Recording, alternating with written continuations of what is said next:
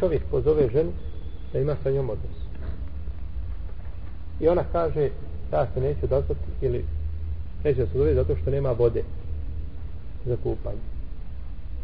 Pa će možda morati dva ili tri dana ostati džunu. Je li je dozvoljeno da spriječi ili je li njemu dozvoljeno da traži od žene odnos, a nema vode za kupanje? Jeste. Jeste dozvoljeno.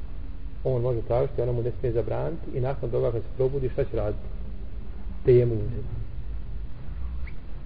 Tejemu uzeti. I nije znači opće razlog da čovjek kaže ne znam da li ću ujutro naći vode i hoću se stići kupati, hoću li naći tople vode, hoću moći ugrijeti, tako dalje. To nije na njemu. Na njemu je da gleda da ima što veći broj muslimana. Je tako? Yes. A nakon toga šta će se desiti, to njega ne zanima. Jer šarijet je olakšao. Ako nema vode, ima temu. Subhanallah, to je milost Allah te barek tala što je znači olakšao ovu vjeru. Jer braćo, možda u naše vrijeme Allah se nama stilovao pa kod nas je voda ljudi kažu za vodu najjeftinije prisutno, a najskuplje odsutno. Ima li veća blagodat od vode kada je nema? A kada ima niko, niko, ne, niko ne, ne, ne, ne osjeti tu blagodat. A kada je nema, onda je svako osjeti. Onda je svako osjeti. I nekada je to bilo, to je znači bio nekada veliki problem. I su ljudi uvijek imali vode. Nego je vode bilo jedno vrijeme, jedno nema. Pogledajte ljude kada, kada je voda, kada je bila ona redukcija, kada malo zatvori tako dalje. Kako ljudi drugačije razmišljaju, koliko se manje vode troši i tako dalje. Pa je znači sigurno u vrijeme poslanika sa osadom i općenito muslimana u davna vremena kada nije bilo znači ove ovaj, ove napretka e, koja koga danas vidimo, bilo je znači oskudica vode, pa su ljudi upadali znači u ove probleme. Šeho sami mu ime kaže, nema žena pravo za braniti svome mužu iz tog razloga, znači odnos, već kaže, ako ne bude mogla se okupiti da nađe vode, uzmete jemu. A poslanik sa osrme kaže, zemlja je čistoća muslimana, tamo ne našo vode deset godina. Deset godina nemaš vode, samo za piće imaš i za život da preživiš, te mu uzmaš. I nikakve, nikakvog spora nema, ali što ono učinio zamjenu, učinio olakšnost. I zato braću šarijat nikada nije ostavio čovjeka, a da mu nije, da mu nije našao izlaz.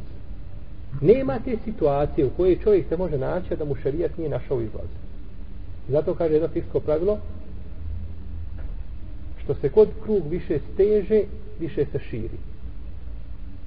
To jeste, što god čovjeka više težu, a ne da će, ne vole problemi ili poteškoće i opterećenja, šerijat mu šta? Sve više širi.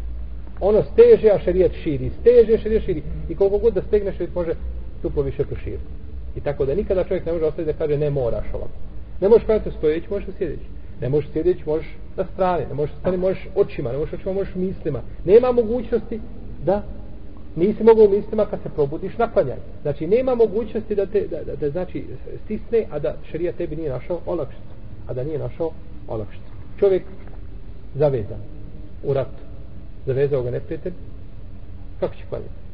Ne može uzeti tejmom, ne može ništa. Tu se ulema spori, poznati sporno, međutim, ispravno više kod uleme da klanja kako može. Sve je Svezan, bez, bez abdesta klanja. Ponavljati ne mora. Jer to znači sve olakšice u šarijetu i to nije znači svojom voljom izazvo, nego čovjek je znači došao u takvu situaciju. Pa je to blagodat Allaha za učelo znači da nam je olakšao vjeru.